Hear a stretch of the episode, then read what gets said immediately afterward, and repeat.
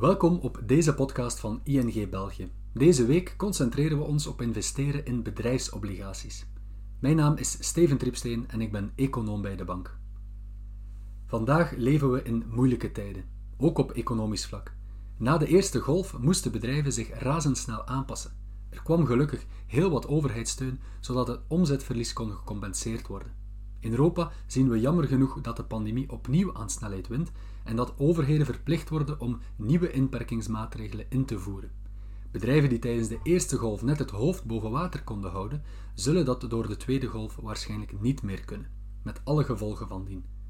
En wat financiële investeringen betreft, is het ook niet gemakkelijk.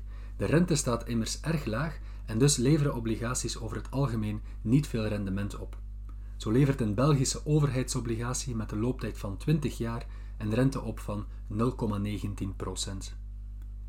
Toch bestaan er nog obligaties die een relatief hoge rente geven, maar die zijn risicovoller. De kans dat er iets fout loopt is dus groter, maar daartegenover staat een hoger rendement. Maar wat zou er precies kunnen fout lopen indien u een risicovolle obligatie aankoopt? Het antwoord is simpel: u zou uw kapitaal kunnen verliezen. Indien u een obligatie kocht van een bedrijf en dat bedrijf gaat failliet, dan bestaat de kans dat u uw geld niet meer terugziet. Vandaag zien we echter nog niet dat het aantal faillissementen sterk stijgt, maar we verwachten wel dat dit de komende maanden zal beginnen stijgen. Indien we de evolutie van het aantal faillissementen in de VS bestuderen tijdens de crisis van 2008, dan zien we dat de piek pas bereikt werd na de recessie. En deze observatie geldt ook voor Europa. Gezien de lage rente zouden investeerders zich dus kunnen laten verleiden door obligaties met een hoger rendement. Maar het is belangrijk om te weten dat hier serieuze risico's aan verbonden zijn. De verwachting is wel degelijk dat sommige bedrijven in moeilijk vaarwater zullen terechtkomen.